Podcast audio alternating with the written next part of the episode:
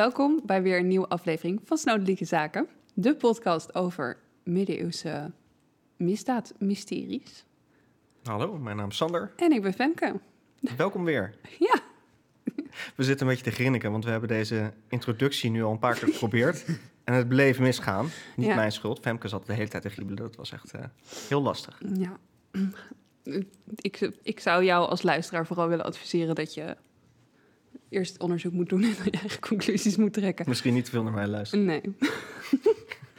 maar goed, laten we het even, even hebben over... eh, nou, hoe gaat het met je, Sander? Het gaat hartstikke goed. Ja? Ja, ik ben druk bezig met mijn scriptie en eh, met, een, eh, met deze leuke podcast. Dus Ja, prima. En hoe is het met jou? oh, prima. Ja, gaat lekker. Wat leuk om te horen. En wat ik nog even wilde delen is, we hadden het in aflevering 23, dus dat is twee afleveringen terug, over de moord op eh, burgemeester Bernd uh, Proijs. En, Dat was het oude mannetje wat in bed lag, toch? Of niet? ja, die Ja. door de, mogelijk door het uh, vleeshouwersgilde omgelegd is. Die twee keer boos naar binnen kwamen rennen zo om... eh, ja. Precies die. En eh, ik vertel jullie toen dat ehm, ik dit eh, op het spoor was gekomen door een eh, onderzoeker. En die Palme, die, eh, nou, ik zag dat toen op tv met Maarten van Gossem. Dat was al heel erg leuk. Maar ik heb dus mailcontact gehad met Andy. En eh, we hebben een paar keer over hem weer gemaild. Ik vertelde volgens mij in de aflevering wel dat. Nou ja, goed. Het gaat eigenlijk om de moordenaar die in een bron naar voren komt. Hij heet Steven van Arnsbergen. En dat ik dacht, nou, misschien heeft dat te maken met Heraansbergen of Van Arnsbergen. En dat slaat op Heraansberg, wat een kasteel was eh, ja, in, de, in de regio. Wel, vond ik een goede ingeving Ja. jou. Nou, dat vond Andy op zich geloof ik ook. Maar die is door gaan zoeken eh, op basis van wat suggesties. En die heeft eh, Steven gevonden in een andere bron. En dat is wel echt even leuk om te vertellen, denk ik. Eh, iets andere spelling, Arnsbergen. En dan blijkt dat deze Steven een leenman is van Jacob van Gaasbeek. Ik heb Jacob van Gaasbeek uit de podcast eh, gehaald, omdat het al een complex genoeg verhaal was. Uh, maar dit was een figuur waar onze burgemeester uh, eerst mee op goede voet stond. Of eigenlijk, het was zijn voogd, dus had ook uh, een, een, belangrijke relatie tot deze Jacob. Op een gegeven moment, als Jacob volwassen is, switcht hij van partij, kiest hij voor de andere factie en is hij dus een tegenstander. En het vermoeden is nu dat Jacob um, mogelijk de opdracht heeft gegeven tot deze moord en Steven daarvoor heeft ingezet. Dus we zijn een stukje verder bij de puzzel. Uh, dus als wij nog meer nieuws hebben, dan delen we dat uiteraard. Wel echt weer een soap hoor, die ja, uh, Middeleeuwse Utrecht. Middeleeuwse Utrecht. Nou ja, en nog steeds, uh, mocht je zin hebben mee te denken, dat, dat, dat vinden we alleen maar leuk. En die ook, dus stuur ons dan vooral een berichtje, een mailtje, whatever. Dan geven we je meer info. Maar ik wilde het toch nog even melden. Ja, leuk. Ja, toch? Dacht ik. Maar goed, we hebben een nieuw verhaal voor vandaag. Het, uh, en die is zwaar gevallen bij jou, volgens mij. Uh. Deze was een beetje pittig. Um, ik heb dat volgens mij in de, voor, in, in de vorige aflevering of twee afleveringen terug ook een keer genoemd dat ik hiermee bezig was. Dus er zit echt ook al een hele hoop tijd in. Um, dit is in Denemarken. Ik zou je zeggen, mijn Deens is roestig, of eigenlijk misschien beter te zeggen, niet bestaand. Ja. Um, nu is het wel zo dat ik uh, via Castlefest iemand ken. Zij is Deens. Ik heb haar om wat hulp gevraagd. Dus dankjewel Rebecca in ieder geval voor je, voor je suggesties en het meedenken. Dat is, heeft zeker geholpen. Maar nog steeds, dit is complex. Ga alvast waarschuwen. Uh, ik ga mijn best doen. Dus niet alleen het Deens, maar ook de situatie is complex. Ja, dan. ja, ja. ja. Oké. Okay. Maar goed, het is wel leuk, want we zijn nog niet in, uh, in het noorden geweest. Nee. In het hedendaagse Scandinavië. Ten noorden van... Oké, okay, nee, we gaan snel, we, we gaan naar Denemarken. Goed. Ben je er klaar voor? Jazeker. Op Sint Cecilia-dag, 22 november 1286, zijn we in Vinderoep, een dorpje in Denemarken. Dit is een klein dorp dat normaal weinig omhanden heeft. Er staan wat kleine gebouwen, maar het is eigenlijk niets in vergelijking met belangrijke steden in de buurt, zoals Viborg, dat even verderop ligt. Toch is hier vanavond iets bijzonders gaande. In het anders zo rustige dorpje bivakkeert er nu een vooraanstaand persoon. En niet zomaar een persoon, het is koning Erik V, koning van Denemarken. Na een dag jagen besluiten hij en zijn kamerheer Rane Jansen dat terugreizen naar Viborg niet meer haalbaar is, dus ze blijven de nacht hier. De koning en zijn kamerheer hebben zich geïnstalleerd in de schuur van de kerk. De nacht valt over Vinderup en iedereen slaapt. Of nou ja, iedereen. Er klinkt wat geritsel uit het struikgewas achter de kerk. Een groep van zeven mannen sluipt uit de bosjes en beweegt zich richting de schuur. Zachtjes gaan ze naar binnen, tot ze om het bed van koning Erik staan. Wanneer een van hen het teken geeft, steken ze op hem in. Rane wordt wakker van een plotselinge schreeuw van de koning. Direct gealarmeerd rent hij naar de koning toe, ongewapend en naakt. Maar er is niets wat hij kan doen om zijn heer te verdedigen. Er wordt maar liefst 56 keer op hem ingestoken. Waardoor de normaal betekenisloze schuur in dit kleine dorp Vinderup het plaatsdelict is geworden van de moord op de koning. Alweer een koning vermoord uit noodelijke zaken. Ja, ik heb geloof ik een koningsfascinatie. ja, precies. Ja. Ehm, Ze houden zich ook nooit in hè, bij dit soort dingen. Dat is gelijk nee. niet één keer gericht of twee keer gericht Nee. Nee, we gaan met z'n allen los. Full mental hoppa. Ja, precies. Ja, hij moet, eh, hij moet echt het loodje leggen in één keer is blijkbaar niet voldoende. Nee. Ehm, zoals we wel vaker zien, we, hebben, we zijn nog niet, eh, wat ik net al zei, in, in het noorden geweest. Maar we hebben wel in, in Frankrijk en Engeland, eh, zelfs in Nederland, of de lage landen, gezien dat namen nogal eens kunnen herhalen. Dat is hier ook het geval. Dus ik, doe even een kleine introductie. Er komen straks drie Eriken langs. Sander zucht al diep. Ja. Ehm, het, het- in Denemarken vonden ze in de middeleeuwen dit ook ingewikkeld. Dus wat ze dan doen, is ze geven die koningen eigenlijk pas na de dood, maar toch een bijnaam. En ik heb ervoor gekozen om die bijnamen mee te gaan nemen, omdat ik hoop dat dat het duidelijker maakt dan als ik zeg Erik de Vijfde of Erik Ja. de Zesde. Dus ik ga ze even introduceren, dan weten jullie het alvast. We hebben Erik Ploegpenning. Dit is officieel Erik de Vierde. Ik weet niet of ik dit duidelijker vind dan de Maar ik ga het even. Nee, ik ga het even uitleggen. associaties. Ja, ja, ja. Is, eh, Ja, daarom- hebben we nodig, denk ik. Ja, deze koning die vocht tegen boeren die dan in opstand kwamen vanwege zijn hoge belastingwetten eh, op ploegen. Daarom heet hij zo. Ploegpe- ja, Eh, ehm, hij, het aantal ploegen dat je bezat als boer, dat werd gebruikt om je rijkdom te meten. En daarom werd hij ploegpenning genoemd. Eigenlijk in het Deens, eh, eh, dus, maar ik heb het vertaald.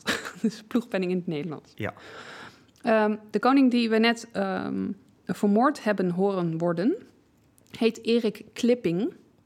En we weten eigenlijk niet zo goed waar die naam op gebaseerd is. Eh, er zijn een aantal opties. Voor één is eh, het, het knippen van munten, waardoor ze dus waardeverlies hebben. Of eh, het, val, het slaan van valse munten kan ook betekenen. ja. Ehm, het kan ook slaan op het werkwoord glippen, dat knipperen betekent. En dat had blijkbaar in die periode de connotatie dat je niet een, een, een niet te vertrouwen persoon bent. En de Ja, derde ja. optie zou zijn eh, dat het verwant is aan het Oud-Noordse glepja, bedriegen. In dit geval dan de bedrieger of de verleider. We weten het dus niet zo goed, maar hij dus Maar Erik allemaal wel in, dit, in hetzelfde Ja. gebied Ja. van betekenis. Neem dat alvast even mee. Ja. Erik Klipping, de vermoorde koning. Dan hebben we nog een Erik. ehm, en hier ga ik waarschijnlijk met mijn, mijn uitspraak van Deens compleet de mist in. Ehm, je schrijft menvet, M-E-N-V-E-D. Ehm, maar wat ik heb begrepen, het slaat op een uitdrukking in het Deens uit die tijd. Dat betekent in het Nederlands zoiets als zo men weet. En in het Deens, ik heb dit fonetisch geprobeerd uit te zoeken, zo men wil. dus ik denk dat het Zoals is, men wilt. ja, Ja. eh, dat het ook men wil is als uitspraak, Oké. maar weet ik niet helemaal zeker. Maar men vermoedt dat dit, deze Erik, dat dat zijn favoriete uitspraak was. Erik men wil, denk ik. Goed. Beter dan Erik. ehm. Niet optimaal. Maar dan heb je dus de drie Eriks. Heb, je, heb je ze nog paraat? Ploegpenning. Ja. De clipper, dat het met Clipping. bedriegen gebeuren, clipping. Ja. Ja. En de, eh, de, de uitspraak, de, zoals men zegt. Goed. Ja. Oké, gaan we weer even terug naar eh, de moord die ik net schetste in de schuur. Ja. En wat er dan daarna gebeurt.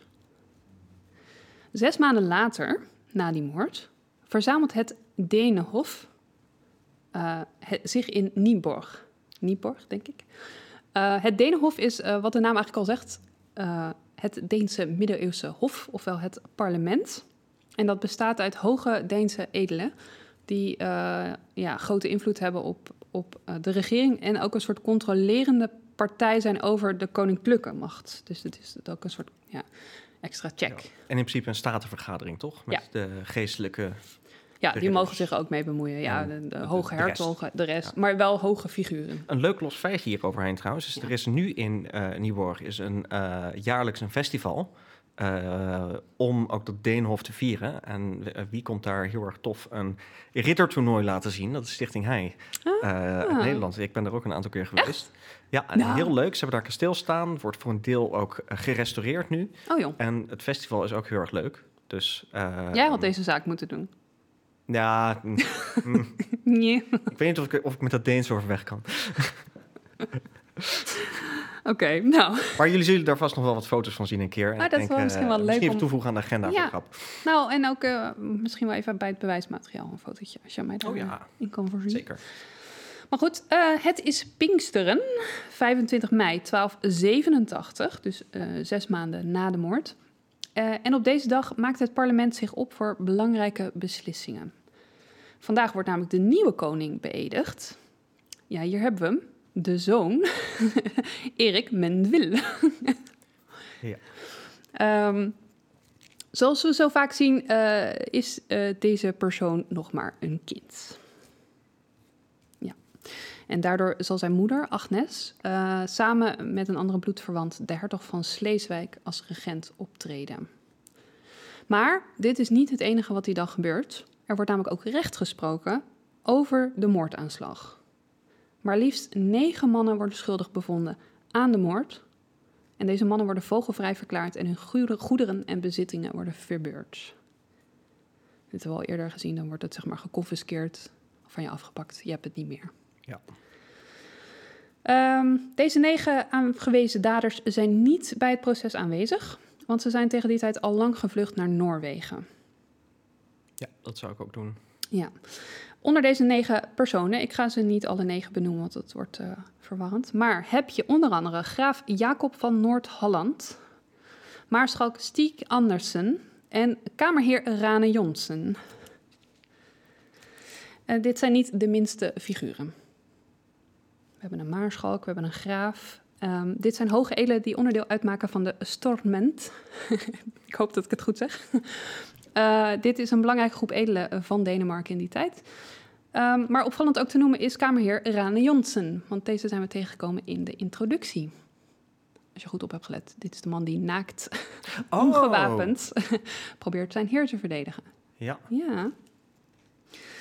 Ehm, we hebben dit vonnis van het Denenhof uit 1287 niet. Het is niet bewaard gebleven, maar wel overgeleverd via een bevestiging van dit vonnis in een oorkonde uit 1305. Dus dat is acht jaar later. En eh, we weten zeker dat het om deze negen personen gaat. Die zijn veroordeeld omdat op 25 juni 1287, een maand daarna, een brief is van de Noorse koning. En die noemt hem bij naam. Ehm, en hij geeft hen formeel het recht zich in Noorwegen te vestigen. Hij spreekt in die brief zijn ongenoegen uit over het proces. En hij stelt dat de veroordeelde groot onrecht is aangedaan. ah, Ja.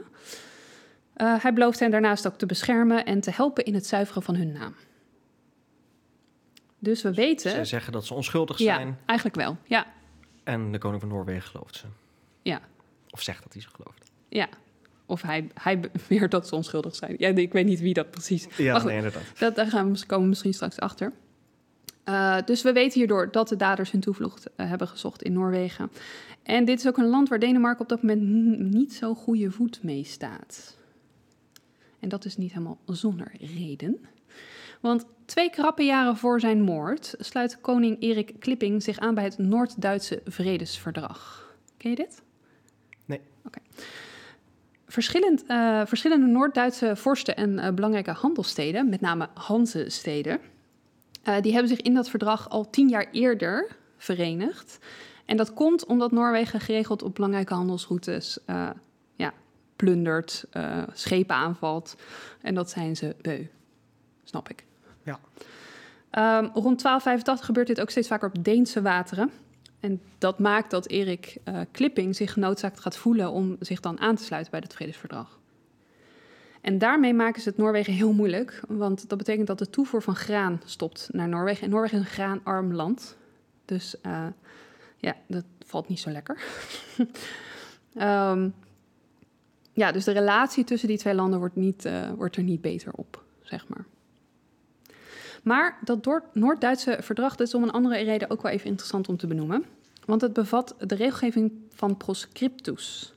En dat houdt in dat een rover, een moordenaar of een andere misdadiger, als die erin slaagt om te ontkomen, uh, dan mag die niet vluchten op het grondgebied van een ander lid, binnen dat vredesverdrag. Want dan ben je uh, gedwongen als ander land om net zo goed te gaan jagen op die misdadiger. Ja, zorg ervoor dus dat je natuurlijk zeker van die zeker maritieme misdadigers, hè, die, die, die uh, af en toe een, eh, een, bootje stelen ergens, ja. het handelen door, dat die niet zich makkelijk even kunnen verbergen in, uh, in de haven van de, van de buurman. Nee. Uh, nee. En dat heeft natuurlijk uiteindelijk iedereen profijt bij als je dat afspreekt. Ja, behalve de daders. Behalve de daders, inderdaad, ja. Dus in, in het hele kader van deze moordaanslag uh, is het daarom ook wel te verklaren dat de daders, of uh, supposedly daders, uh, vluchten naar een land dat buiten dit verdrag valt. Sterker nog, naar een land waar dit hele verdrag zich op richt. Um, en niet naar bijvoorbeeld Duitsland of zo. Ja, Want dat, hoort, dat hoort erbij. Um, maar goed, waarom ontfermt Noorwegen zich dan over deze mannen? En waarom zegt de Noorse koning dat hun onrecht is aangedaan? En dan denk ik dat het even goed is om te kijken naar deze groep en waarom zij beschuldigd zijn. We hebben dus uh, graaf Jacob, de kamerheer Rane en de maarschalk Stiek, Stiek denk ik. Um, en met name die Stiek, die, uh, die gaat voor eeuwig de geschiedenisboeken in als de moordenaar van koning Erik Klipping. Maar waarom zou deze maarschalk dan de koning willen laten omleggen? Is de vraag dat gaan we proberen uit te zoeken natuurlijk. Want die snurkte. die snurkte in de schuur, ja. Uh, dus wat we natuurlijk doen, zoals altijd, uh, voor een motief, gaan we even kijken naar de bronnen. Dus ik ga jullie nu weer uh, meenemen in waar we deze moord allemaal in tegenkomen. De oudste bron die we hebben zijn de annalen van het Rietklooster. Deze annalen eindigen met de moord en de afloop ervan. En zijn vermoedelijk niet later dan 1288, dus hooguit twee jaar na de moord, opgetekend. We lezen hier dat Erik op 22 november wordt vermoord door personen die de koning zelf hoog geplaatst heeft en dat hij 56 steekwonden heeft. Bij het verslag over het proces worden de daders bij naam gemeld, uh, vernoemd. En het is, zoals we al vaker zien, een vrij sumiere omschrijving van de gebeurtenissen. We hebben hier geen motief, helaas. Zonde. Ja. Rond het midden van de 14e eeuw dan hebben we twee kronieken. De eerste zijn de Annalen van Lübeck, rond 1330. Uh, hier we de eerste Jews. Er wordt namelijk gezegd of gesuggereerd dat de koning zou zijn vermoord vanwege zijn ontuchtige gedrag. Oh. Ja, maar dat is het dan ook. Ja. helaas, helaas. Uh, 1340, tien jaar later, hebben we de koning van Jutland. Uh, deze bouwt voort op die annalen van het Rietklooster. Uh, daar staat in dat, koning, dat Erik koning werd in 1259. En dan komt er een opsomming over zijn gedrag als koning. Hij plundert kerken, hij int geld, maar hij doet daar niks voor terug. Hij negeert de wetten. Uh, hij laat kloosters verarmen. Hij gebruikt ze om er honden en paarden te stallen. Stel je voor. Uh, bovendien uh, was hij vol ondeugden en drong hij zichzelf op aan vrouwen van hooggeplaatste edelieden. Dat, zeker daar zie je een, een, een bepaalde basis we gaan, voor. We gaan een, een bepaalde richting ja. in. Ja. Ook hier 56 dodelijke verwondingen die allemaal rond de borststreek zijn op één steek na. De schrijver van dit stuk laat het in het midden en geeft het aan de lezers eigen verbeelding waar deze steek dan moet zijn geweest. Niet in de grote teen, denk ik. Wil je een suggestie doen? ik denk iets lager dan de, uh, de borststreek. Ja, ja, ik denk dat je warm zit. Als laatste in het rijtje kronieken en annalen hebben we de Deens-Zweedse annalen, uh, die in de eerste helft van de 15e eeuw zijn opgesteld, en de geschiedenis van Denemarken en Zweden tussen 826 en 1415 verhalen. En hier vinden we voor het eerst een duidelijke formulering van een motief. De moord is een daad uit wraak tegen een koning die verschillende, verschillende adellijke vrouwen heeft aangevallen en misbruikt waaronder de vrouw van Stieg Andersen. Ja. Ja. Dus eigenlijk twee mogelijke motieven. Enerzijds een ja, niet hele goede koning. Een, een eh, koning met wangedrag. Ja. Als het gaat om regeren. Ehm, anderzijds ook, en misschien wel specifieker dus, een wraakactie vanuit Stieg Andersen eh, en andere eh, hoge adel, omdat hij dan hun vrouwen zou hebben misbruikt. Maar dit wordt wel pas enkele decennia later geformuleerd. Ja. Dus dat is een beetje moeilijk. Waarvan je de vraag kan stellen, inderdaad, is, dit, eh, is deze informatie bewaard gebleven elders? Of proberen deze mensen ook te raden eigenlijk naar het motief? Vind ik leuk dat je het vraagt. Oké, Want dit zijn niet de enige bronnen die we hebben. En daar ga ik eh, je mee naartoe nemen. Maar ik moet eerst even uitleggen. Hoe regeerde Erik Klipping dan over Denemarken? Want daar weten we wel het een en ander over. Ehm, allereerst eh, wil ik jullie even graag uitleggen dat wanneer Erik Klipping in eh 1259 aan de macht komt, er in de negen jaar daarvoor al drie andere koningen aan de macht zijn geweest. In negen jaar. ja. En dat gaan we even hier uitleggen, want je moet dit zien in een bepaalde traditie. Het was een stressvolle baan, denk ik. Ze gingen allemaal met een burn-out ja, precies. stoppen. Ehm, in 1250 eindigt het leven van Eriks oom, Erik Ploegpenning. Daar hebben we, Erik de Vierde. Ehm, en dit gebeurt niet op natuurlijke wijze. Ook deze koning wordt vermoord. De vermoedelijke dader is zijn broer Abel, de hertog van Sleeswijk, die direct onschuldig beweert te zijn aan deze moord. En verschillende bisschoppen die gaan dat dan onderschrijven. En daarmee is de kous dan ook af. En daarmee is ook de weg vrij, want eh, Erik Ploegpenning heeft geen zonen. Dus eh, Abel kan daarmee koning worden als broer. Dat komt mooi uit. Dat komt heel mooi uit. Dus dat wordt hij ook. Lang kan hij er niet van genieten, want hij sterft na twee jaar op het slagveld tegen de Friezen. Die verdraaide Friese ook altijd. Altijd die kutvriezen. Ja. Oh, Dat is wel erg grof. sorry. Maar, In de, in, in de, ja, zeker. Ik ben een kwart Fries, dus ik mag het zeggen. oh. ik ben half Fries. Is het? Ja. Nou. Eh, deze Abel die heeft wel zoons. Zijn oudste zoon eh, Valdemar, die studeert in Parijs wanneer Abel zelf koning wordt. En die denkt dan, ik moet zo snel mogelijk naar Denemarken, want ik moet dat hertogdom Sleeswijk moet ik overnemen als oudste zoon. En onderweg eh, naar Denemarken eh, rijdt hij langs Keulen en dan is er een lokale bisschop daar en die zegt, weet je wat, ik, eh, ik neem jou gevangen. Dus zoon Valdemar wordt gevangen gezet en dat zit hij nog steeds als Abel doodgaat. Dat betekent één, dat hij het hertogdom niet heeft kunnen overnemen. Maar twee, dat hij er dus ook niet is om de troon over te nemen, potentieel. Als Abel doodgaat. Ehm, en daar is op zich nog een reden voor. Want eh, Erik Ploegpenning en Abel hebben nog een broer. En deze broer heet Christoffel. En Christoffel die begint meteen een campagne waarbij hij eigenlijk eh, aan iedereen die het maar horen wil, en iedereen die het niet horen wil, gaat vertellen dat Abel hun broer Erik Ploegpenning heeft vermoord. Ah ja. En daarnaast eh, wil hij Erik Ploegpenning heilig verklaren. Dat zijn zijn twee grote doelen. Ja. En wat hij hier eigenlijk mee En doet. die ondersteunen elkaar waarschijnlijk. die Is twee, eh, ja. ja, ja. En wat, wat, het, wat ervoor zorgt, is dat hij ook nakopelingen van Abel hiermee uitsluit van de troon. Want als Abel een koningsmoordenaar is, ja, dan willen we die lijn eigenlijk liever niet voortzetten. ja. Het is wel ironisch trouwens dat het een Abel is. Die juist bijbels gezien de eerste, het Ja. eerste slachtoffer van een Dus moord het is ook wel leuk dat je het zegt, omdat ik in de bronnen ook las, eh, Abel in naam, Kain in gedrag, Ja, wordt er dan gezegd. mooi. Ja, klopt. Ehm, maar goed, eh, ja, wat, wat heeft dit voor een effect voor Christoffel? Er is nog maar één optie voor de troonopvolging. Hij zelf. Komt dat even goed Is uit. dat toevallig? Ja. Ehm, maar met Christoffel is het nog steeds onrustig. Want die nazaat van Abel die voeren continu strijd met hem. Er zijn er meer. Eh, en hij heeft ook nog eens een enorme fitty met eh, de aartsbisschop van Lund, Jacob Erlandsen. Eh, die Zelf ook bovendien, nooit gemogen hoor. en die is bovendien op de hand van Abels nakomelingen. Dus die zit eigenlijk in, even als we het dan in facties gaan opdelen, in factie Abel.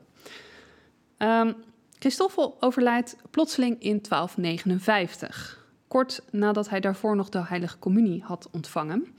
En er is geen bewijs, maar het gerucht gaat dat Christoffel is vergiftigd door de wijn.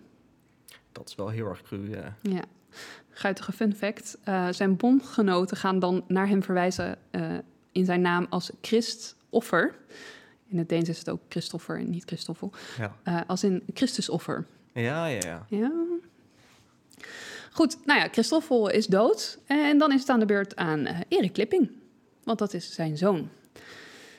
Ehm, we hebben hier weer te maken met een kindkoning. hij is tien. En dat hij eh Christoffel gaat opvolgen is absoluut niet vanzelfsprekend. En dat komt omdat Denemarken in die tijd een kiesmonarchie is. En dat houdt in dat een vorst niet automatisch op basis van erfopvolging wordt aangesteld, eh, maar dat je verkozen moet worden. En dan heb je dus die groep in Denemarken, eh, waar ik het net al over had, die Storment, die moet hierover beslissen. Dus trouwens, dit, dit woord Storment, dat betekent grote mannen, letterlijk. Oh ja. Ja. Ehm, hun macht eh, wordt dus ook erkend door het Deense recht. Dus in principe moet deze groep ervoor zorgen dat dat, dat dus die controle heeft over die koninklijke macht. En dat kun je onder andere hierin zien. Maar deze verkiezing een beetje ceremonieel. Want vaak zie je toch wel dat Ja. familie... eh, Koningen ja. benoemen inderdaad hun, eh, ge- door hun gekozen troonopvolger. En dit is eigenlijk altijd de eerste, oudste zoon. Altijd. Ja. En dit gaan ze dan al doen als die zoons heel jong zijn. Dus dan komt er een soort presentatie voor die stormment. En eh, die moeten dan de troonopvolger aanvaarden. En dan ligt het vast voor wanneer de koning doodgaat. Dat is een beetje het proces. Ja, ja, ja. Dus wanneer Christoffel na de dood van Abel koning wordt, wil hij zijn eigen lijn vaststellen. En dus Abel uitsluiten, of Abels lijn uitsluiten. Uh, en dat doet hij dus wat, door wat ik al eerder zei. Uh, Abel als moordenaar schetsen. Um, en profiteren van het feit dat Abels zoon gevangen zit in Keulen. Uh, dus Abel heeft dan um, zijn zoon Valdemar niet aan die stormment kunnen presenteren als troonopvolger. Dat maakt het ook al moeilijker. Maar uh, wat wel goed om te vermelden is, is wat ik al zei, Abel was voor hij koning werd hertog van Sleeswijk. En dus de bedoeling was om die positie over te dragen aan uh, Valdemar. En deze titel is een beetje vergelijkbaar met de Prince of Wales. Dus uh, in Verenigd Koninkrijk. Dus dat je. Dat staat een beetje synoniem aan de troonopvolger. Ja, precies. De, de, inderdaad, het domein van de kroonprins ja. eigenlijk. Ja. ja. Uh, en dat geldt daar in, in het Deens gebruik dus ook. Dus het symboliseert een beetje dat. Um, maar Valdemar krijgt die positie dus niet, want hij zit vast. En wanneer dan Christoffel zelf op de troon zit, dan krijgt hij dus ook continu ruzie met Valdemar. Want Valdemar vindt wel dat hij recht heeft op die positie. En dat leidt bijna tot een soort burgeroorlog. Maar dat ziet Christoffel niet zitten. Oké, zegt hij, oké, okay, oké, okay, mag jij hertog van Sleeswijk worden.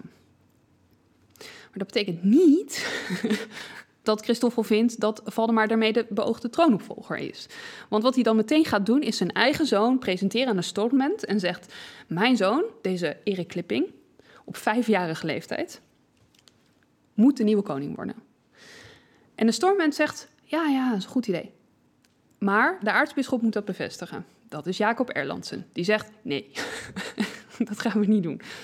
Uh, dus dan is er geen definitieve rechtmatige troonopvolger op dat moment. Nee, en je hebt dus een mogelijke moeilijkheid, omdat hij in dat...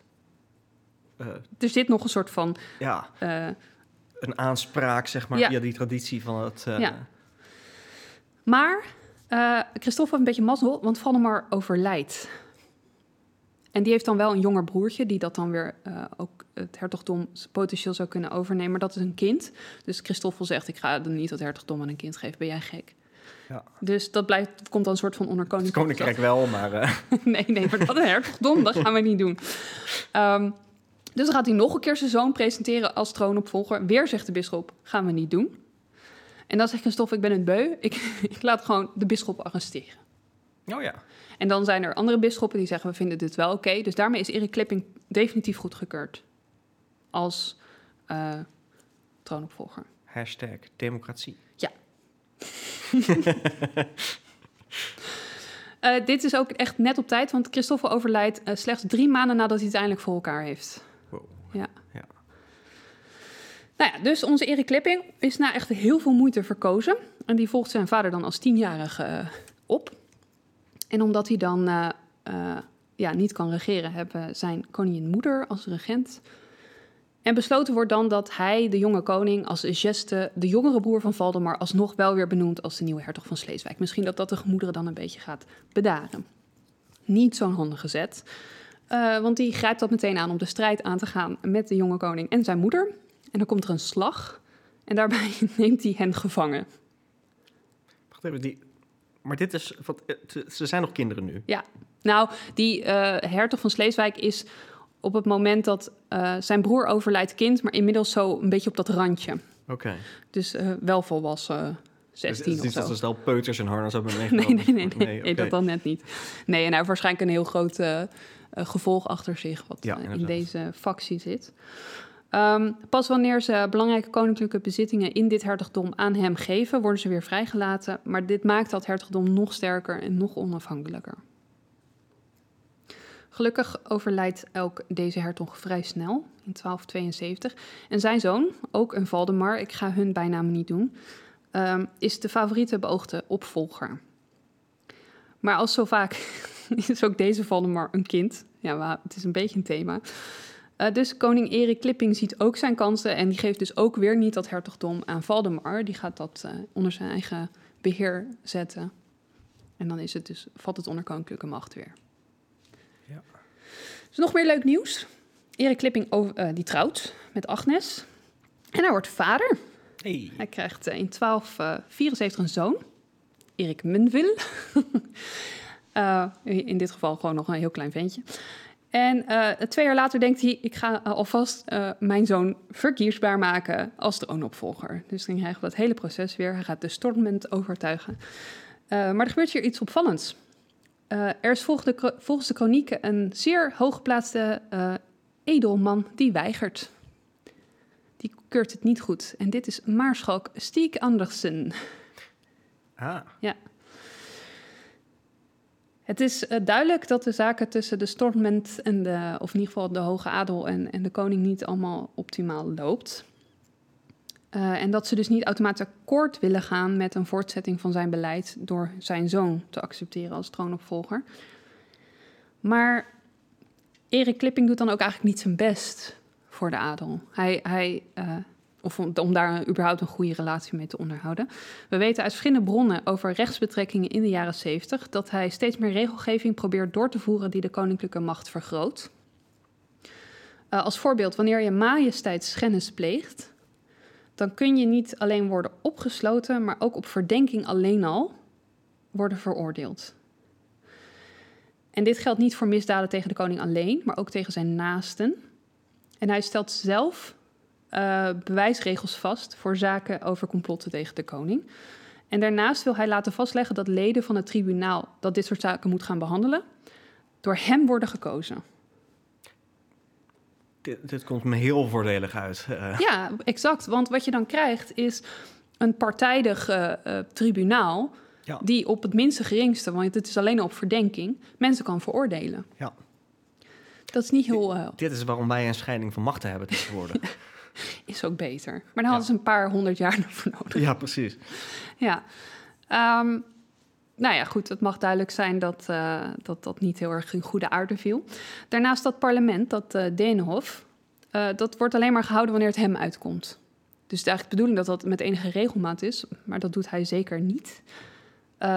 hij lijkt gewoon eigenlijk uit alles een soort meer voor zichzelf gezaghebbende regeringsvorm te creëren. Uh, die dan daarmee de rechten van de stormment steeds meer vermindert.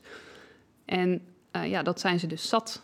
Dus in 1282 wordt hij tijdens een parlementssessie gedwongen om een charter te ondertekenen. Um, dat zijn macht daarmee weer verkleind wordt.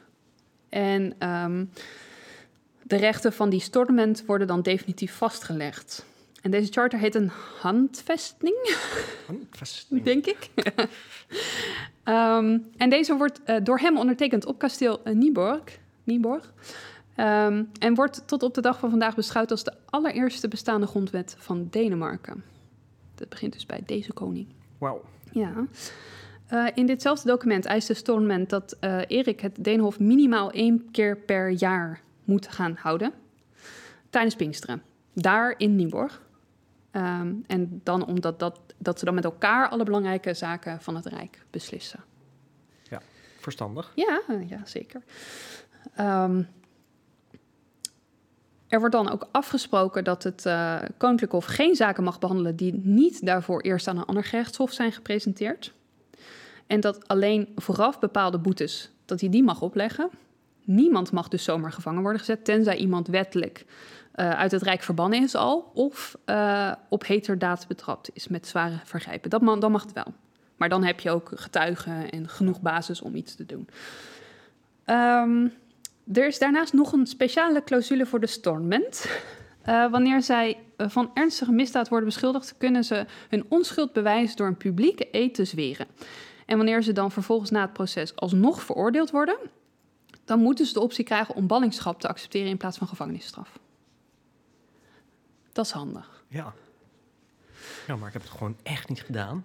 Ja, ja maar ja, goed, ze hebben natuurlijk uh, hun leven in, het, in, de, in, dienst van het Rijk gesteld. Dus ja. is dan de privilege die je krijgt, denk ik. Maar goed, uh, Eriks macht hiermee is wel echt uh, aan banden gelegd. Dat mogen we wel concluderen, denk ik. maar het mag ook wel duidelijk zijn dat hij niet echt vrienden heeft gemaakt in deze periode.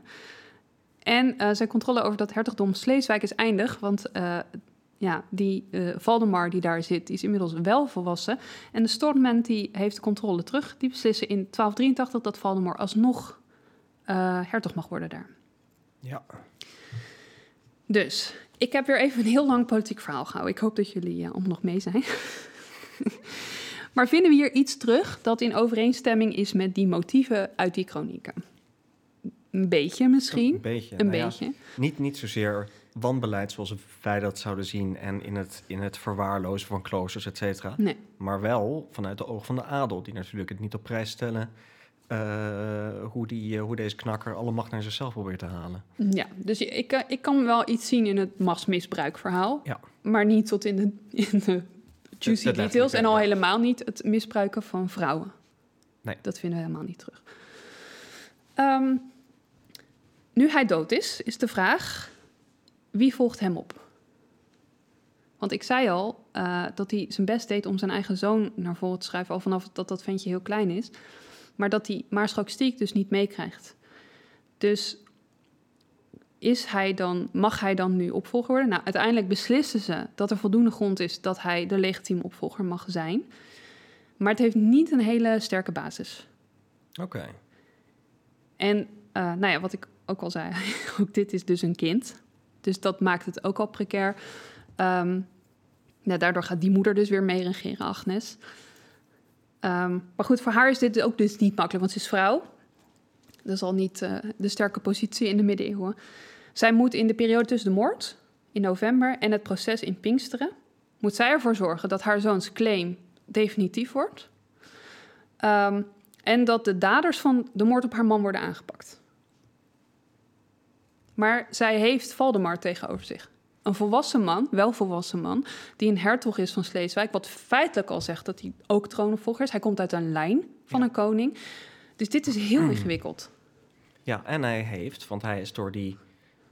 Ja, hij is door belangrijke lieden ook weer benoemd tot eh, eh, dat hertogdom. Ja. Maar die ook weer vriendjes heeft gemaakt. Zeker. Ja. En eh, we, hebben, we weten uit Annalen dat de Deense adel, die Stormment, ehm, worstelt met die dood van Erik Klipping. Want ze veroordelen de moord wel, en helemaal op een koning, is niet oké. Maar ze hebben niet heel veel empathie voor de persoon Erik Klipping. Het was geen leuke koning. Dus hoe reageren we hierop? Wat betekent dit voor de monarchie? Wat betekent dit voor hun? Dus het is heel duidelijk dat ze een soort van afwachtende houding aannemen. En dat maakt het voor Agnes echt heel moeilijk. Want zij, zij wil bereiken dat haar zoon op de troon blijft. Dat zij, weet je wel... eh, Zij heeft juist een heel erg duidelijk, eh, duidelijke uitspraak nodig. Ja, maar als zij zelf gaat praten, wordt ze waarschijnlijk niet, eh, wordt, wordt dat niet heel serieus genomen. Dus dan gaat zij ja, iets anders doen. En hier kom ik terug op de bronnen die we dus nog meer hebben. En dit is, hier wordt, vind ik heel leuk aan deze, aan deze zaak. Ehm, zij heeft een hele succesvolle, maar echt bijzondere manier voor haar marketingcampagne, om het dan maar even zo te noemen. Ze laat haar stem horen, maar niet door zelf te spreken. Eh, zij zet een dichter in. eh, die ze dan laat spreken zeg maar, in de Deense uh, hoofdse samenleving. En deze dichter, dit is de Noord-Duitse dichter Rumeland von Sachsen. En dit is een, een van de meest prominente didactische dichters uit de 13e eeuw.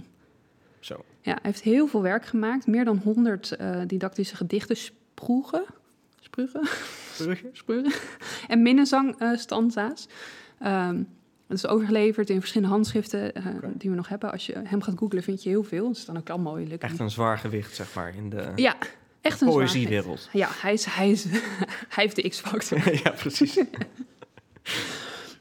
en namens Agnes gaat hij dan een reeks van politieke gedichten maken... waarin de moordenaars en de moord ze, zeer sterk worden veroordeeld. En die voert hij op aan het hof, deze gedichten. Um, en hij richt zich hierin rechtstreeks naar het Deense volk, de toehoorder, en vertelt ze soort van in die gedichten wat zij moeten doen. En dit is heel interessant, vind ik. Wow. maar je moet, ik zei het net al, dat hof is veroordeeld, of, of veroordeeld, dat hof is verdeeld. Dat weet niet zo goed wat, moet hiermee? Ja, en dat maakt zijn taak niet zo makkelijk. Want normaal gesproken heeft een dichter in deze tijd de stem van de, van de status quo, van het algemeen heersende mening. Maar hier ja. is geen algemeen heersende mening. We hebben dus je moet, je moet hem maken. soort van. Ja, of je moet verder polariseren. En dat is wat hij oh. doet. Voor het eerst in dit soort uh, uh, literatuur, zeg maar. Ja. Um, en hij weet ook, een deel van het publiek, wat ik uh, ga toespreken, gaat niet blij zijn met wat ik ga vertellen. Maar hij doet dat wel heel bewust. Hij gaat ze verder verdelen. Hij dwingt ze een kant te kiezen. En daar dan, daarvoor gaat hij dus een nieuwe didactische vorm gebruiken in die gedichten. Hij gebruikt bewust zinnen als ons, ik, wij, hij als referentie. Uh, waarmee hij bewust twee verschillende groepen gaat neerzetten. Um, ja, dus zij die kiezen om aan onze kant te staan, Agnes en hij, de dichter, uh, en zij die tegen zijn. Zo hebben we bijvoorbeeld als voorbeeldje... Um, nu helft het regen ons den moord. Of in het modern Nederlands, help ons deze moord te wreken. We weten uh, dat deze gedichten zijn gemaakt in de periode tussen de moord en het proces van Pinksteren. Dus echt in die tijdspannen. Ja. En daarmee zijn ze dus ook een, vind ik, bijzondere uh, bron die echt wel een goed inkijk geven in de actuele situatie op dat moment. Ja, en het, zien als een, als een proces. Er gebeuren hier dingen. Zeg maar. We kijken niet alleen naar producten, maar ja. Ja. Nou, die eerste stanza die opent met een algemene oproep tot sympathie, sympathie en hulp in deze zaak. Uh, tot tweemaal toe wordt het Deense volk letterlijk aangesproken met loyale Deense personen. Oh, vrienden. vrienden. en er zit een hele duidelijke strategie achter. Denen bewust maken van dat zij het publiek zijn van deze gedichten. Maar daarnaast ook onderdeel van uh, getuigen van een verschrikkelijke misdaad.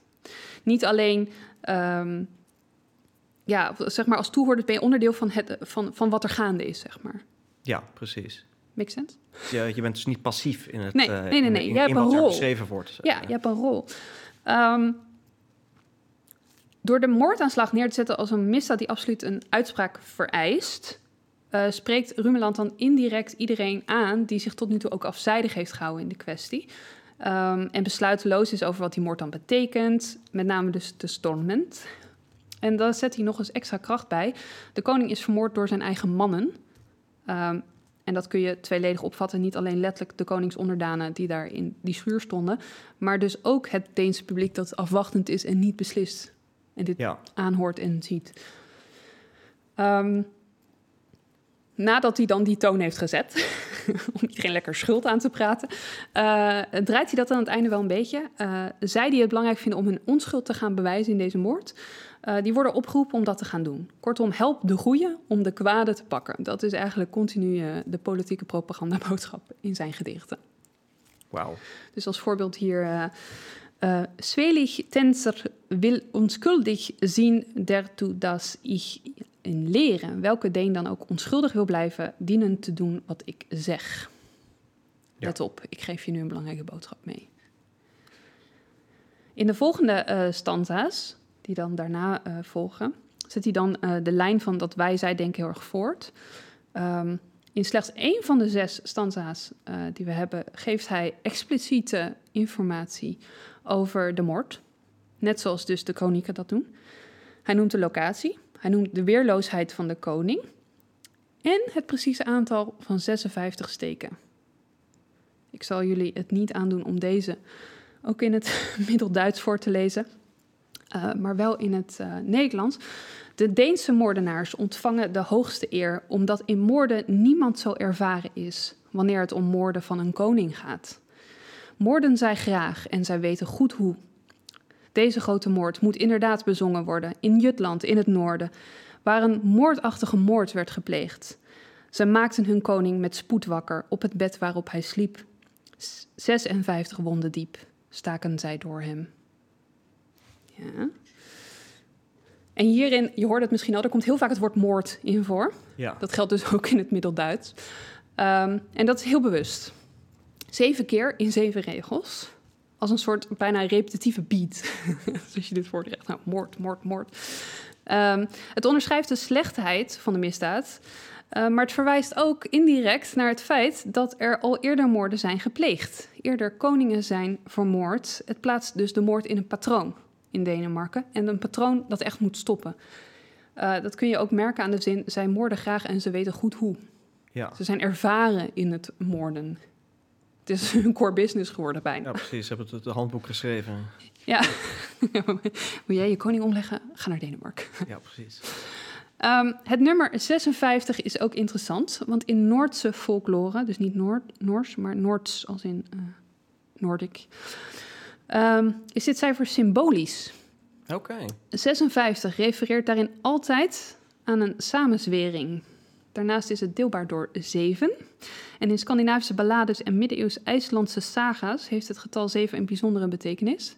Want wanneer er zeven mannen bijvoorbeeld s'nachts vertrekken met een onbekende missie, dan weet de toehoorder, er gaat iemand dood. En in latere chronieken over de moord uh, op Erik zien we dit getal dus ook heel veel terug. Niet alleen die 56 steekwonden, maar er is op een gegeven moment in latere chronieken ook een toevoeging. Het zijn zeven moordenaars. Oh, oké. Het enige probleem hier is, uh, Rumland is Duits. Hij is niet Deens. Dat is trouwens ook waarom de gedichten in het Duits zijn.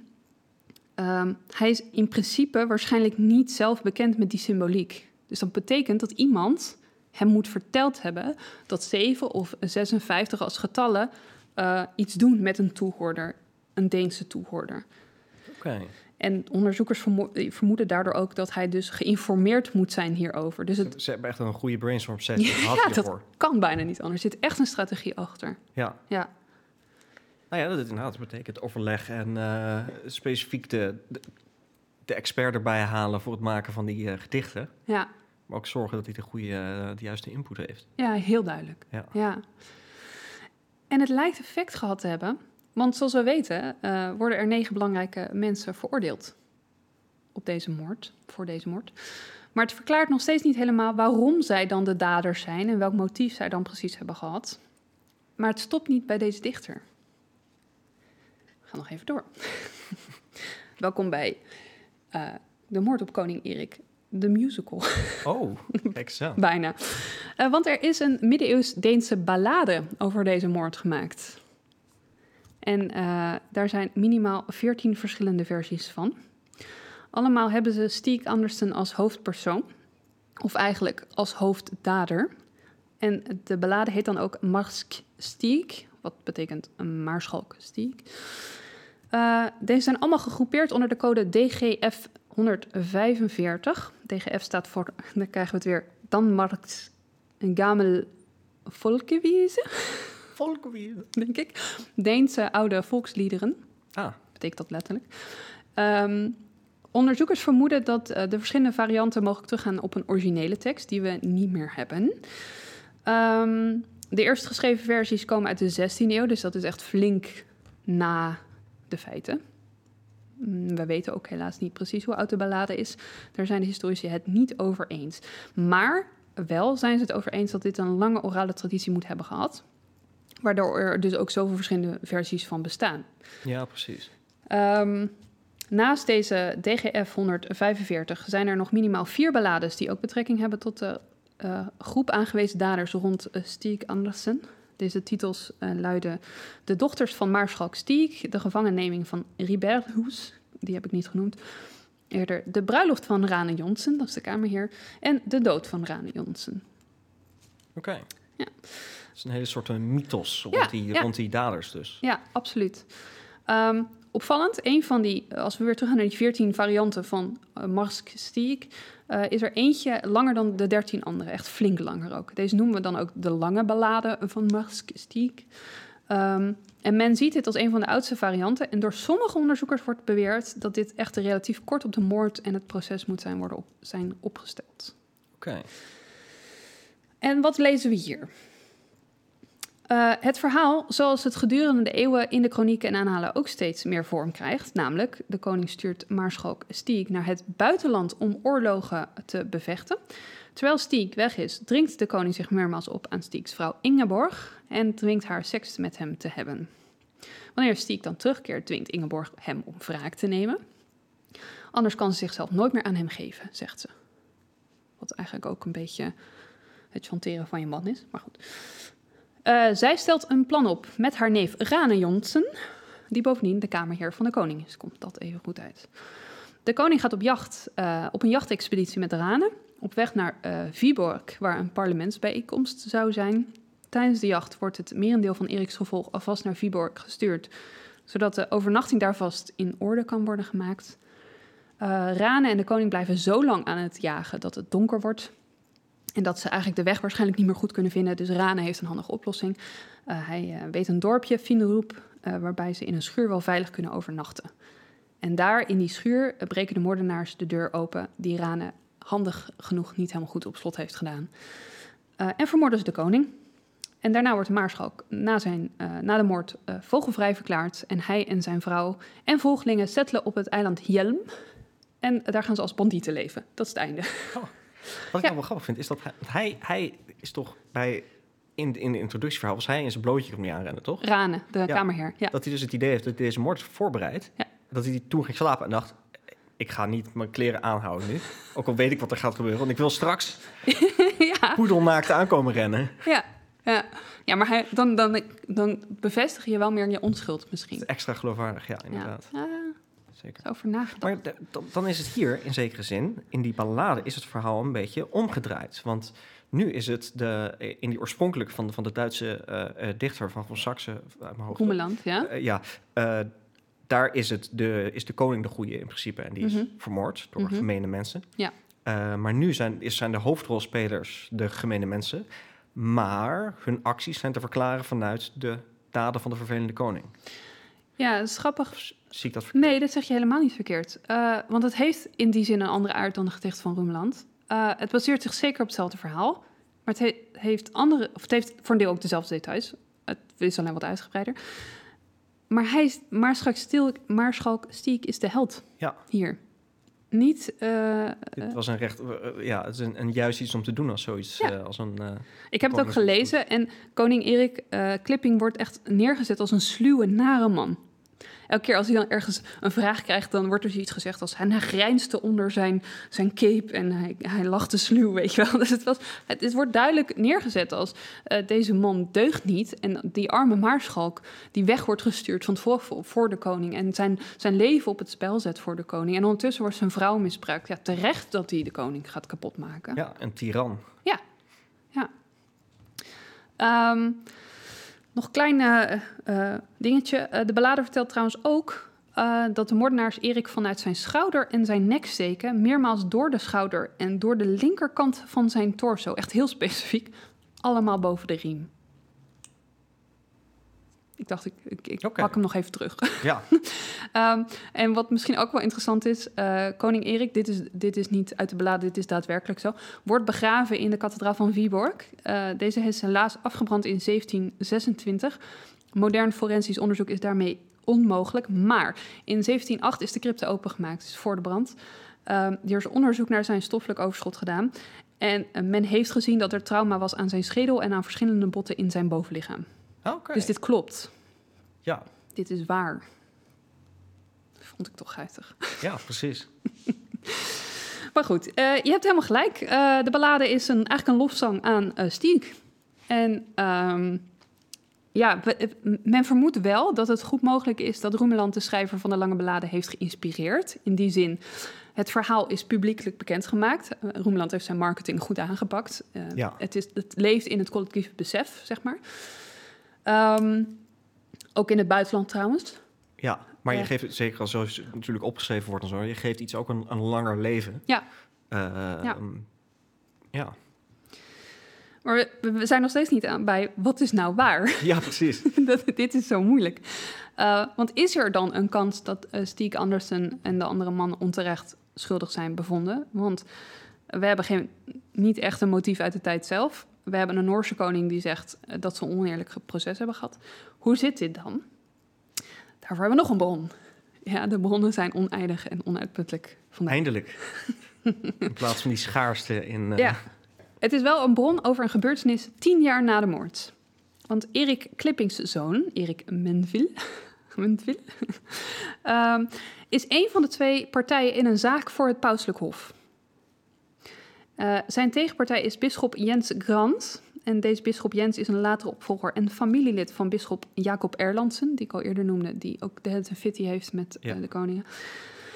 Um, en dat geldt hier weer. Jens kiest ook uh, voor de Abel-lijn, zeg maar. Uh, en in dit geval ook partij voor de negen mannen die veroordeeld zijn op de moord van Erik Klipping. Uh, waarmee hij openlijk sympathiseert. En dat vindt Erik Menville niet zo leuk, want het is zijn vader die vermoord is. En dat is niet de bedoeling dat een aartsbisschop daar even leuk over gaat zitten doen. Zeg maar. Um, Daarnaast doet Jens trouwens ook heel erg zijn best om de koninklijke macht lekker in te perken. En die wil geen bemoeienis in zijn kerk. Dus uh, ja, Erik Menville vindt gewoon deze aartsbisschop een verrader. Um, het helpt ook niet dat Jens een nieuwe kerkelijke wet invoert, die de koninklijke privileges verder beperkt. Uh, kortom, ruzie al over. En uh, bisschop Jens die excommuniceert op een gegeven moment de koning. De koning laat dan Jens arresteren. Uh, Jens wordt vastgezet in erbarmelijke uh, omstandigheden. Um, dan denkt uh, Erik Menville, nou, nou gaat hij wel inbinden. Die laat iemand kijken of hij nu wel trouw wil zweren aan de koning. Jens zegt dan, letterlijk, I quote... ik heb liever dat de koning me gewricht voor gewricht in stukken snijdt... dan dat ik toegeef aan zijn wil. Wauw. dus dit komt niet goed. Drama queen. Ja. Uh, Jens weet uiteindelijk te ontsnappen... Oh. Dat is ook een interessant verhaal, maar even voor deze podcast heb ik dat niet uh, meegenomen. Hij vlucht naar Rome voor pauselijke hulp en dat leidt dan tot deze rechtszaak. Oh, oké. Okay. Dus here we are. Um, herfst 1296. En die rechtszaak is dus voor onze snodelijke zaak relevant, uh, want deze twee partijen discussiëren over de schuldvraag op de moord van Erik Klipping. Zo stelt de verdediging van de koning in dit proces het volgende. Koning Erik vijfde, dus Erik Klipping, heeft enkele familieleden van aartsbisschop Jens Grant opgevoed als zijn eigen, zoals graaf Jacob, Maarschalk Stiek, Maarschalk Stiek en Rane Jonsen. Hij geeft ze hoge posities in het rijk, als vaders over het koninkrijk. Hij ontvangt ze in zijn eigen huis als familie. Maar hoewel hij de term koning had, Erik dus in dit geval, waren deze mannen in positie dus gelijk aan hem. Zo behandelde Erik Klipping deze mannen. Deze heren zijn ondankbaar geweest voor alles wat koning Erik voor hen deed. En nadat ze zich hebben verrijkt met alles wat het vaderland hen geboden heeft, hebben ze het nodig gevonden om dan ook nog de kroon zelf af te pakken. Ze zijn gaan samenzweren en in de duisternis, midden in de nacht, hebben ze koning Erik op zeer vrede wijze met talloze afschuwelijke wonden vermoord terwijl hij sliep. Uiteraard hebben we hier ook de verdediging.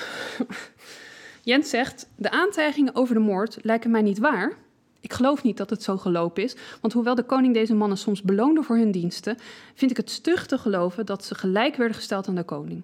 Ik heb ook nog nooit geruchten gehoord dat ze de kroon wilden overnemen. Evenmin geloof ik dat deze mannen de koning hebben vermoord, voornamelijk omdat ze nauw met hem verbonden waren, omdat ze gunsten van hem ontvangen hebben en omdat ze absoluut niet aarzelden om hun eigen lichaam en rijkdom aan gevaar bloot te stellen ten dienste van de koning. Je snapt dat het hier niet bij eindigt. uh, in deze pauselijke zaak uh, wordt ook gediscussieerd over hoe het recht is toegepast. En hier komen we misschien iets dichter bij uh, de clue. Of er is, ja, de clue, maar een oplossing tot deze puzzel. Ja. Um, Ik vertelde al eerder dat uh, de koning van Noorwegen in zijn brief stelt dat die veroordeelden een oneerlijk proces hebben gehad. En dat komt hier terug. Want Jens Grant vertelt het pauselijk hof dat koning Erik uh, Menville het recht en de eer niet eerbiedigd heeft. Volgens Jens zijn de veroordeelden in 1287, tijdens dat Pinksteren uh, parlementsproces, niet wettelijk veroordeeld. Dit heeft te maken met die clausule waar ik het eerder over had, die de, Oh, die de ja. Storment ehm, hebben laten vastleggen, die handvesting. Want zij hebben het recht om door het zweren van een publieke eed onschuldig te bevestigen te zijn, zeg maar. Ehm, en wanneer je dan toch veroordeeld wordt, dan mag je ballingschap als straf krijgen in plaats van gevangenisstraf. Of executie, a- als het echt heftig is. En dat was het eigenlijk wel. Ja. En deze mannen hebben dit recht helemaal niet gehad. Ja. Mogelijk eh, was de vermoedelijke uitkomst van dit proces ook al voor het eh, proces daadwerkelijk plaatsvond duidelijk. Want we hebben bijvoorbeeld een brief van Maarschalk Stieg een week voor het proces, waarin die zegt, of waarin hij zichzelf eh, voormalig Maarschalk noemt. Dus hij wist Hij ziet het wel aankomen. hij ziet het aankomen. Ja. Ehm, dus ja, het zal ze waarschijnlijk dus ook duidelijk zijn geweest dat dat recht op het zweren van een eed helemaal niet geboden ging worden. Dus ze hebben waarschijnlijk eieren voor hun geld gekozen en zijn gevlucht. Ja.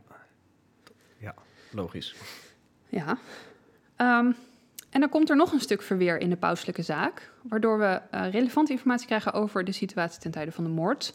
Los van dit politieke wel eens niet dus spelletje. Jens zegt, acht van de negen mannen waren op het moment van de moord op minimaal twee en in sommige gevallen zelfs drie dagen reizen van het plaatsdelict. Ze kunnen dus niet direct betrokken zijn geweest bij de daad zelf. Een van de negen is de plaats bij het plaatsdelict, Rane Jonsen, want hij is de kamerheer. Maar, zo stelt Jens, en hier krijgen we dit detail, Rane heeft zich zo goed als hij kon verzet tegen de daders, ondanks dat hij net zo overvallen was door de situatie, heeft hij zijn heer zelfs naakt verdedigd. Kijk. Ja. Ja. Leuk verhaal van Jens. ja. Dankjewel, Jens. maar goed, als we dat voor het gemak even aannemen. eh, dan is Rane dus niet de man die de deur heeft opengehouden. Ehm, heeft de rest dan wel een rol gespeeld? Dit is heel moeilijk. Ja, of hebben we hier te maken met een complot en andere uitvoerders? Dat- Kan, kan. Maar het is, dat wordt nergens duidelijk. Nee. Want er is geen proces. Dus er is ook niet een letterlijke... op basis van A, B of C zeggen we het is stiek. Nee, dit zijn, eh, dit, dit zijn karakterschetsen over een Ja. meer. Ehm, Jens heeft nog een argument. Ja, hij is goed voorbereid. Eh, hij heeft in het jaar van dit pauselijke proces, 1296, iemand gesproken die vrij is van alle blaam en zeker te vertrouwen is. Nou, dan weet je dat het klopt. Ja, precies. Het heeft op Wikipedia gestaan. Ehm, die weet waarom de koning vermoord is en hoe dit is gebeurd. Top, zou je denken. Ja. Dat is fijn. Maar hij zegt, eh, hij zegt in zijn verdediging dat hij dienstnaam en het verhaal aan de paus bekend zal maken. Buiten deze notitie hebben we geen verdere informatie. Zo jammer. Het zou mooi zijn als de andere partij dan aankomt van... ja, maar we hebben hem ook gesproken en tegen ons... Ja, maar hier komen we op het argument waarom. Historici vermoeden dat dit is omdat de verdediging van de koning er alles aan wil doen om Jens te pakken te krijgen. Ja. En eh, ja, ze willen winnen. Jens moet schuldig zijn aan verraad. Dan, heeft het helemaal, dan is het niet zo handig als daar een andere partij in komt die misschien inderdaad hun zaak gaat schaden. Ja, precies. Dus er wordt niet doorgevraagd. Helaas, helaas. Ehm, de paus die beslist uiteindelijk eh, in het voordeel van Jens. Jammer. Ja.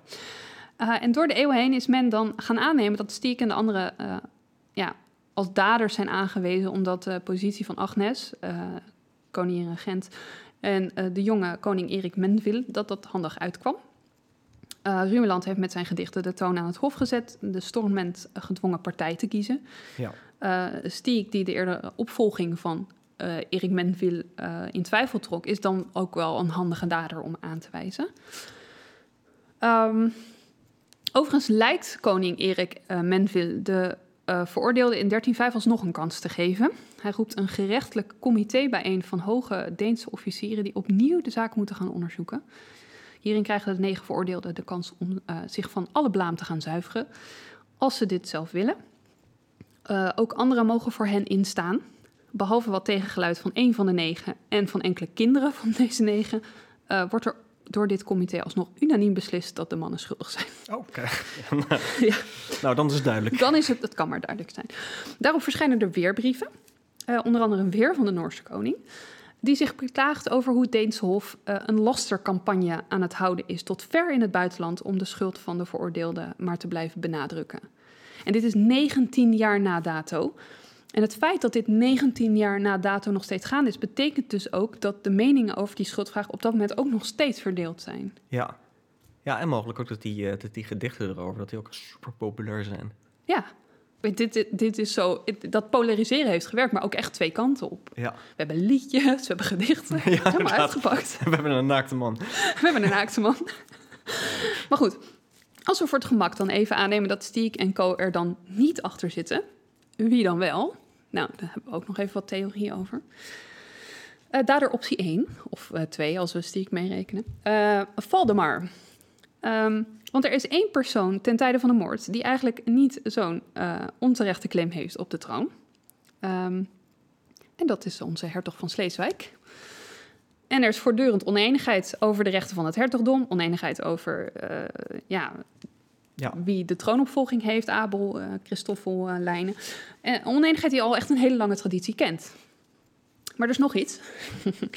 In de jaren voorafgaand aan de moord hebben koning Erik Klipping en hertog Valdemar ruzie over inkomsten uit de kroonlandsgoederen in het hertogdom. En Erik vindt dat het aan hem toehoort. Valdemar denkt daar anders over. Ja. In 1285, een jaar voor de moord, laat Erik Valdemar opsluiten tot aan het voorjaar van 1286. Op 31 maart 1286, dus acht maanden voor de moord, wordt Valdemar weer vrijgelaten op voorwaarde dat hij de claims van de koning op inkomsten eh, uit die kroonlandsgoederen respecteert.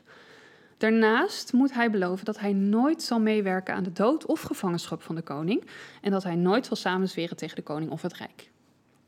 Als hij hiermee in strijd zal handelen, worden al zijn leengoederen verbeurd. Maar als hij dat echt oprecht beloofd heeft, dan, zal hij het niet schuldig hebben zijn. Maar ehm Valdemar wordt na de moord door sommige mannen van de Stormment als favoriet voor de opvolging gezien. Ehm, Agnes en haar jonge zoon hebben wel echt veel van hem te vrezen. Dit is ook de reden waarom eh, die hele campagne voor een deel wordt opgezet. Ehm, misschien is het ook wel een risico om, zijn, om hun pijlen als hem als dader eh, eh, op, hun pijlen op hem te richten, zeg maar. Ja, nou ja, als je een soort van all-in gaat en zorgt dat hij moet kiezen tussen of alle winst of compleet verliezen, dan zal hij ook alles op alles gaan zetten. Ja, Terwijl op het moment dat je, eh, eh, dat je iets meer speling laat, is het een stuk veiliger voor allebei. Ja, zeker. Dus dan kies je misschien een makkelijkere partij als dader, Ja. namelijk de Maarschalk en co. Ehm, daarnaast, een van de kronieken die verhaalt over de moord op koning Erik, de Jutland-kroniek, vertelt specifiek over de gevangenschap van Valdemar. Deze kroniek komt uit het midden van de 14e eeuw en stelt zelfs, maar het volgende jaar werd hij vrijgelaten door tussenkomst van prinsen. En toen begon hij samen met een aantal van de vooraanstaande mannen van het koninkrijk samen te spannen voor de dood op de koning. En dit lukte. En dan volgt de situatieschets van de moord. Ja. Dus in een kroniek, pak een beet 40 jaar na de moord, Die verbindt de eigenlijk... wordt Valdemar de- genoemd als, Ja. als, op, als dader of als mededader. Eh, daarnaast zijn er historici die vermoeden dat Jens Krant aan Valdemar refereerde toen hij zei, die, die vage omschrijving gaf van ik weet, ik weet een dader, ik heb iemand gesproken die weet hoe het precies zat. Maar omdat we niet echt verdere info hebben, is Ja. dit wel een beetje Dat is wel een beetje... We kunnen één persoon bedenken die, eh, Ja. die dit kan zijn. Nou ja, er is een, een Deense onderzoeker die blijkbaar vijf punten noemt waarom, de, waarom het Valdemar moet zijn. Op basis ook van dit Jens, eh vraag, van Jens. Alleen dit artikel is in het Deens. Ik heb dat nog niet verteld, maar het, het onderzoek naar deze zaak was voor mij ook een struggle, omdat bijna alle literatuur over deze zaak in het Deens was. En eh, ik spreek dus geen Deens. Nee. dus het is, het is een beetje ingewikkeld.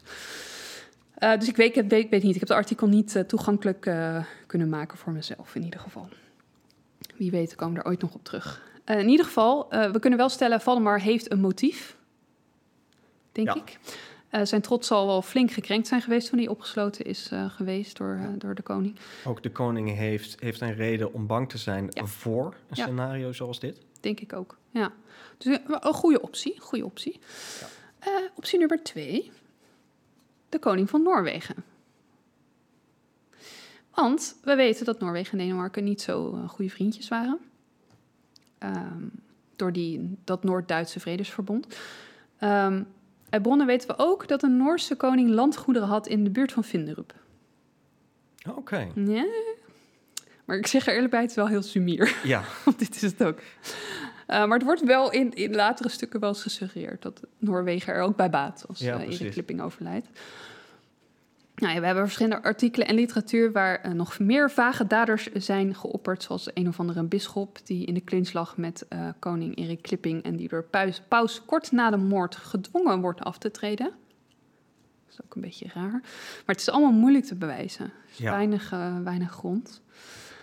In de jaren negentig, afgelopen eeuw, wordt door de Deense radio in een reeks over onopgeloste moordzaken een hele aflevering aan deze zaak besteed. afgelopen eeuw is de 20e eeuw. Zei ik het niet goed? De 19e eeuw. De afgelopen eeuw. In de jaren negentig. Oh, volgens mij zijn je 19e eeuw. Nee, ik zei in de jaren negentig. Volgens mij zijn je 19e eeuw. Als je, als je jaren 90 zijn, dan heb je bij deze mijn welgemeende... Ik nu, nu Dus we twijfel gaan, ik. we gaan bij het terughoren gaan beluisteren wie het... eh, Wie er weer gelijk had. In de jaren was. negentig, in zeg maar tussen 1990 en 1999, Oh, de 20e eeuw bedoel je? Oké. wordt er door de Deense radio dus een programma gemaakt. Ja. Ehm, zij doen dus op, onopgeloste moordzaken. En eh, dit was er dus één. En eh, ja, we kunnen hieruit concluderen dat op de dag van vandaag dit... eh, Een de gemoederen in Denemarken bezig gaan. ja, maar ook een hartstikke cold case is dit. Ja. Ehm, we weten het niet. Het, het staat ook bekend als een van Denemarkens beroemdste cold cases. Wauw. Ehm, door die ontwikkeling in bronnen zien we door de eeuwen heen dat het beeld van dader Marschalk ehm Stiek en slachtoffer Erik verandert. Dat komt grotendeels door die ballade, want die ballade, of die hele traditie van die ballade in alle varianten, heeft flinke impact. Ehm, ik denk dat we misschien voorzichtig zelfs kunnen concluderen dat eh Stiek door de moord misschien nog wel, of moordballade nog wel een grotere plek heeft in die geschiedenis dan Erik zelf. Ehm, het vormt de basis voor toneelstukken, voor boeken, voor een opera. Ja. Het is er allemaal. Hij is cultureel erfgoed, deze man eigenlijk. ja, precies. En hij verandert een beetje van schurk naar, naar held die zich Ja, verzet. Zeker ook met dat, met dat, eh, dat, dat scenario van die liefde en die vrouw erbij. Wat Ja. ook typisch eh eh middeleeuws is om Ja. dan maar toe te kennen aan, Ja. aan mysteriezaken. Ja, of dit beeld terecht is, of hij de moord op zijn geweten heeft, who knows? Ja, ik, kan, ik kan jullie helaas, helaas geen conclusie geven. Ehm, ik ben wel benieuwd, eh, Sander, wat, wat denk jij? Eh, hebben ze het op hun geweten, ja of nee? Ik ben het ook, als jij als luisteraar, benieuwd wat jullie vinden. nou, ik heb eigenlijk geen idee. Maar eh, wat, mij, wat ik eigenlijk nog wel het interessantste vind van dit verhaal eigenlijk... is die campagne Ja, met een dichter erbij... die eigenlijk voor het eerst bezig gaat met een, een wij-zij-idee Ja. creëren. Dit, dit- nou ja, in dat marketing, propaganda... het is best wel indrukwekkend. Ik ken niet, geen eerdere zaak eh, eh, da- dan dit. nee. Eh, on- ontzettend interessant. Ja, dat denk ik ook. Ik, dat vond ik ook het leuke eraan, dat hier, dat hier liedjes, Ja, precies. liedjes en gedichten over worden gemaakt... die, die ook duidelijk een doel dienen. Ja. Ja, En dan superleuk dat je natuurlijk ziet hoe dit dan ook inderdaad weer materiaal oplevert voor, een, voor meer liedjes en, Ja. en zaken. Zoals we ook eerder hebben gezien. Ja. Eh, Want als we het echt puur helemaal gaan ontleden tot de basis... dan zijn er maar een aantal dingen die we zeker weten. Dat, dat hij vermoord is, dat Ja. weten we, in een schuur op die datum. En dat we niet weten wie het heeft gedaan. nee, precies. Dat, dat is het. Nee. helaas. Ik vind het. eh, Ik denk wel, de, eh, als Valdemar er niks mee te maken heeft, komt het wel ontzettend Ja, goed uit. ja. Ik zou het heel erg plausibel vinden. Ja, Eh, en ergens zou me ook niet heel erg verbazen op het moment dat er inderdaad toch hooggeplaatste bondgenoten zijn die eh, een handje geholpen hebben. Kijkend naar hoe eh, Erik bezig was met macht naar zich toe Ja. trekken. de meeste historici denken wel dat Stiek... En, of in ieder geval de negen mannen onschuldig waren. Dat ze waarschijnlijk ja, om politieke redenen zijn gekozen. En Ja, dat zou eigenlijk ook Valdemar, denk ik, onderschrijven verder. Omdat het, ja, het hem dan wel handig uitkomt. Hij, dat hij er soort van mee wegkomt. Ja, ja en een alternatief is natuurlijk altijd dat er een, een of ander complot is waar we helemaal geen Ja. weet van hebben. Wie weet komt er ooit nog een bron naar Ja, boven. misschien was het gewoon een, eh, een andere random naakte man die binnen kwam rennen. en, 56 keer toestak. Wie weet. Ja, dus dat, ook dat cijfer kun je ernstig in twijfelen. Ja, inderdaad. Ja, dat is heel interessant. Ja, ik heb nog wel een kleine, kleine voetnoten. Eh, in de moordballade wordt gesproken over het bandietenleven dat Stiek gaat leiden op het eiland Ja. Dit klopt. Dit is wel waar. Oké. Eh, we weten dat hij en de andere mannen zich vestigden in Noorwegen, maar vervolgens verschillende eilanden aan de Deense kust gaan aanvallen en plunderen. Uit bronnen weten we dat, eh, dat hij zich ehm, op het eiland Samsø, denk ik, Soms, eh, ehm, dat hij daar eerst, een, voordat hij zich op Jalm vestigt, eh, een kasteel heeft aangevallen en alle inwoners, inclusief kinderen, gedood zou hebben. Dit staat in bronnen uit die tijd. Ehm, in 2008 doet men archeologisch onderzoek op dat eiland. En wat treffen ze daaraan? Een massagraf. Zo. Sanders ogen worden groot. Oeh. Met daarin, met de bel afgehakte botten van mannen, vrouwen en kinderen. Oké. Ja. Eh, nu zijn er wel vaker gemeenschappelijke graven met meerdere skeletten tegelijk. eh, daar, ook op dat eiland. Maar meestal treffen die archeologen... eh, of in dit geval treffen die archeologen dat, die skeletten aan met gebogen hoofd... of het hoofd, hoofd naar beneden, alsof ze beschermend tegen elkaar aan zijn gekropen... eh, voordat ze werden gedood. Dat is het vermoeden. En ook die beschadiging aan de botten geven enige indicatie. Ehm, dit is voor hun de, de indicatie om te zeggen... op die plek was dit kasteel, het, Ja. wat hij verwoest heeft... Eh, en het laat eigenlijk ook wel zien dat de beste man toch misschien niet zo'n lievertje was. Nee. Nou mag wel gezegd worden dat praktisch iedereen in die tijd Nee. eh, een beetje, beetje aan het roven. En eh, we hebben het er ook wel eens eerder over gehad, bijvoorbeeld bij de, de term viking. en over de term op avonturen gaan. ja, Wat dan een, ook in Hanzesteden werd gebruikt op avonturen gaan. Dat je gewoon dus met een bootje op reis gaat en je gaat handelen. ja, maar heel vaak ging dat gewoon gepaard ook met roven. Zeker jouw rivalen en concurrenten, die konden gewoon het slachtoffer worden van, eh, eh, van best wel hard geweld. ja. Eh, dus het is niet zo dat je een soort gespecialiseerde piraten had die een beetje rondringen en mensen overvielen. Nee, dat deed gewoon iedereen was daarmee bezig. Nee, dat is ook zo. Maar het is wel een, een... Kijk, zoals hij in die ballade wordt geschetst... een soort held Ja. die zijn vrouw wreekt... met een beetje poëtisch... eh, Ja. Maar inderdaad ook goed mogelijk. Ik bedoel, je, hebt, je hebt ook mensen op, eh, op Gotland gehad, bijvoorbeeld, die dan eh, gewoon zo'n ridder die eh, zich gewoon hoofdzakelijk bezig hield met, met roofpartijen. Ja, en ik weet ook wel dat er over hem veel meer is geschreven... over wat hij na de veroordeling doet. En dat hij ook een beetje bekend staat als een piraat... die zich flink misdraagt op de wateren. Ja, ja. Ik las gisteren, maar ik heb dit niet verwerkt... want ik weet er te weinig van. Maar er is ook iets over dat hij aan valsmunterij doet. Oké. Ehm, dus eh, als je geïnteresseerd bent, ga vooral googlen op Stieg Andersen, want er is veel over te vinden. Deze man.